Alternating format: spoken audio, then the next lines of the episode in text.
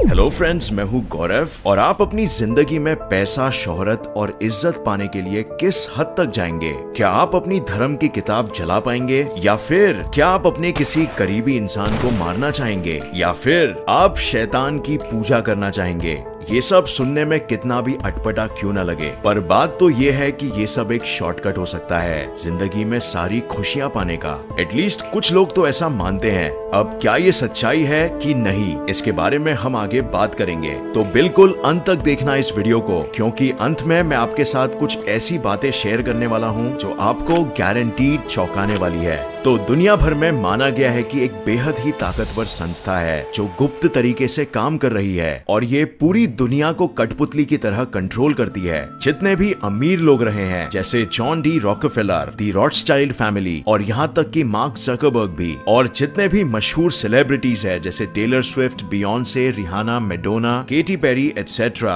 ये सब अमीर और फ़ेमस इसी ऑर्गेनाइजेशन के नियंत्रण के बिना नहीं हो पाए होंगे। ये आम लोगों का मानना होता है और इनके पीछे काफ़ी सारी कॉन्स्पिरेसी थियरीज भी है, जहाँ पर वो उन अभिनेत्रियों द्वारा दर्शाए हुए सुरागों के बल पर कंक्लूजन्स निकालते हैं।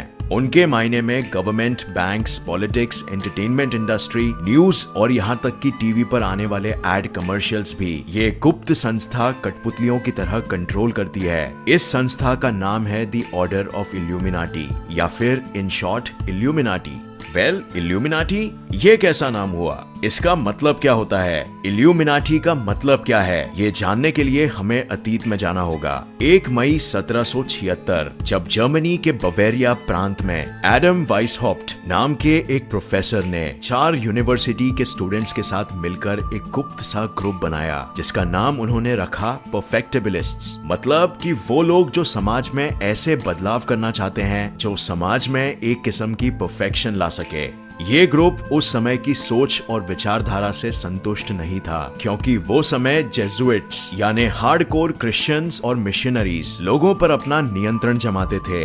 ये विज्ञान और क्रिटिकल थिंकिंग को दबाते थे, अंधविश्वास को बढ़ावा देकर। परफेक्टेबिलिस्ट्स इस सिस्टम को ऑर्गेनाइज्ड रिलीजन कहते थे, यानी सोच समझ के सींचा हुआ धर्म लोगों पर अपना काबू पाने के लिए। और ये सही भी था, क्योंकि वो समय धर्म के आगे कोई एक प्रश्न भी खड़ा नहीं कर सकता था। इल्यूमिनाटी शब्द का जन्म हुआ था लैटिन शब्द इल्यूमिनाटस से, जिसका अर्थ है कि एनलाइटनमेंट यानी ज्ञान से भर उठना। हमारे गौतम बुद्ध भी एक एनलाइटेंड इंसान थे, और वो ना तो भगवान को मानते थे और ना ही किसी धर्म को। पर वो बात अलग है कि लोगों ने उन्हें ही भगवान और धर्म बना दिया। पर यहाँ पर कुछ अलग ही किस्सा हुआ। सत्रह यानी इल्यूमिनाटी के बनने के छह साल बाद वाइसहॉप्ट ने एक दूसरे फ्री मेसनरी नाम के संगठन में काम करके एक ऑर्गेनाइजेशन का स्ट्रक्चर बनाना सीख लिया था कि एक गुप्त से ऑर्गेनाइजेशन में काम कैसे किया जाता है और उस पर नियंत्रण कैसे रखा जा सके। अब इस समय तक उनके पास पूरे 300 इल्यूमिनाटी के ऑफिशियल मेंबर्स थे, जो वाइसहॉप ने एक और बहुत ही इन्फ्लुएंशियल यानी प्रभावशाली इंसान एडोल्फ निग के मदद से एक किए थे।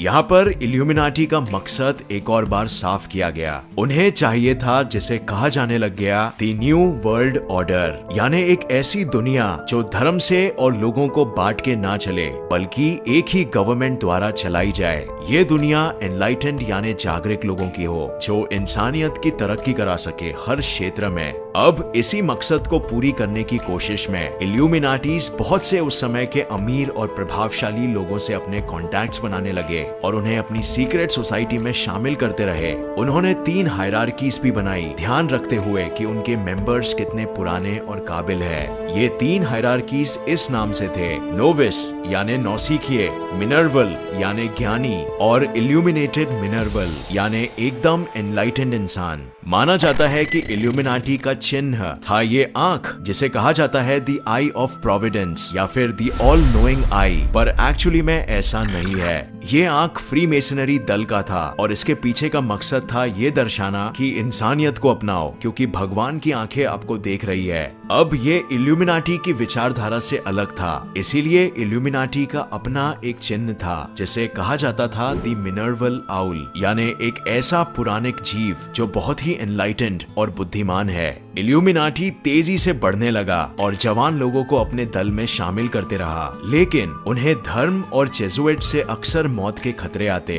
उन्हें डराया जाता और धमकाया जाता और धर्म इस संगठन का विनाश चाहता था।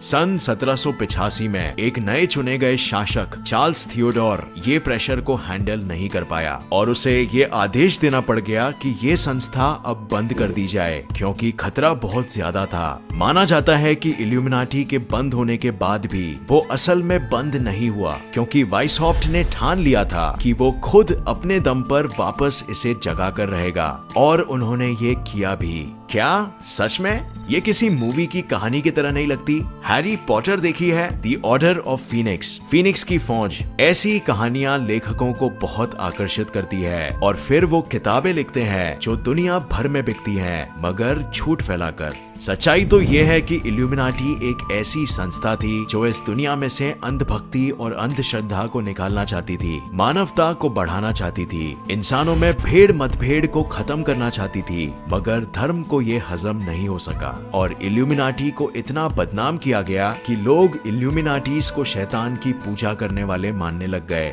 ईसाई धर्म में पहले अगर इंसान भगवान को नहीं माने तो उसे शैतान का दर्जा दिया जाता था। और शायद इसीलिए इल्यूमिनाटीज को डेविल वर्शिपर्स कहा जाता है। इल्यूमिनाटीज की विचारधारा और गौतम बुद्ध की विचारधाराओं में काफ़ी सिमिलैरिटीज है। सिर्फ़ इल्यूमिनाटीज दुनिया को बदलना चाहते थे और गौतम बुद्ध खुद अपने आप को, अपने शरीर में नियंत्रण लाके बट दोनों इल्यूमिनेशन यानी एनलाइटनमेंट में यकीन रखते थे। अब फ्रेंड्स मैं जानता हूँ ये सच्चाई थोड़ी सी अजीब लग रही होगी, क्योंकि आपने तो कुछ भलता ही सुना होगा। तो आप खुद इल्यूमिनाटी की ऑफिशियल वेबसाइट चेक कर सकते हो। Illuminati official dot O R G में। और जरा रीड कीजिए, वहाँ क्या लिखा है? मेरे ओपिनियन में इस संस्था से ज़्यादा इंसानियत और कोई भी प्रीच नहीं करता। यहाँ पर इनका मेन मैसेज है, जो आप रीड कर सकते हो, जो कहता है कि इल्यूमिनाटी चाहता है कि सारे इंसानी बाँध बंदिशों जैसे धर्म और पॉलिटिकल सोच से लोगों को मुक्त करा जा सके और उनमें एकता और इंसानियत की भावना लाया जा सके। इल्यूमिनाटी ह्यूमन स्पीशीज यानी इंसानी सभ्यता की प्रगति की बात करता है। ऑब्वियसली साइंटिफिक और रैशनल थिंकिंग के ज़रिए। हमारे channel Get Set Fly Science का ही मकसद क्या है? आपको साइंस और साइंटिफिक सोच की तरफ़ आकर्षित करना, ताकि आप अपनी ज़िंदगी में इस साइंटिफिक सोच का लाभ उठा सके और ज़िंदगी में आगे बढ़ सके। साइंस और रैशनल सोच ही इंसानियत को तरक्की के मार्ग में लेके जाएगी और धर्म या किसी और रूप में इंसानियत को बांटना बिल्कुल नहीं। हाँ धर्म को ये पसंद नहीं आएगा, क्योंकि अब लोग उनके नियंत्रण में नहीं रहेंगे और वो उन्हें अपने हिसाब से मैन्यूपुलेट नहीं कर पाएँगे। यही उस समय के धार्मिक अधिकारियों ने देखा और बन गया इल्यूमिनाटी शैतान। अब फ्रेंड्स आप किसी भी विचारधाराओं को फॉलो मत करो। आप खुद अपने आप से प्रश्न करो कि आप कौन हो और आप इंसानियत के लिए क्या योगदान देना चाहते हो। ये सवालों के जवाब देने के लिए आपको थोड़ा समय लगेगा। इमीडिएटली नहीं आएँगे जवाब, लेकिन ये आपका एक वजूद स्थापित कर देंगे। आपकी आइडेंटिटी यानी पहचान क्लियर हो जाएगी और आप अपने आप को एक सही इंसान के रूप में देख पाओगे, बिना किसी और के प्रेशर या प्रभाव से। तो ये वीडियो देखने का बहुत शुक्रिया। उम्मीद है आपको ये पसंद आया और इससे नया कुछ ज़रूर सीखने मिला। आपकी क्या राय है इस विषय में? क्या आपको लगता है कि इल्यूमिनाटी की विचारधारा सही थी या फिर नहीं? कमेंट करके ज़रूर बताना हमें। हम जानना चाहेंगे। अगर आपको ये वीडियो पसंद आया तो इसे लाइक और शेयर करना मत भूलिए। और ऐसे ही साइंस वीडियोस के लिए इस चैनल को सब्सक्राइब करके नोटिफिकेशन बेल ऑन करना मत भूलिए। और मैं आपको नेक्स्ट वीडियो में मिलूँगा ऐसे ही किसी इन्फॉर्मेटिव वीडियो के साथ। तब तक के लिए देखते रहिए और सीखते रहिए। जय हिंद।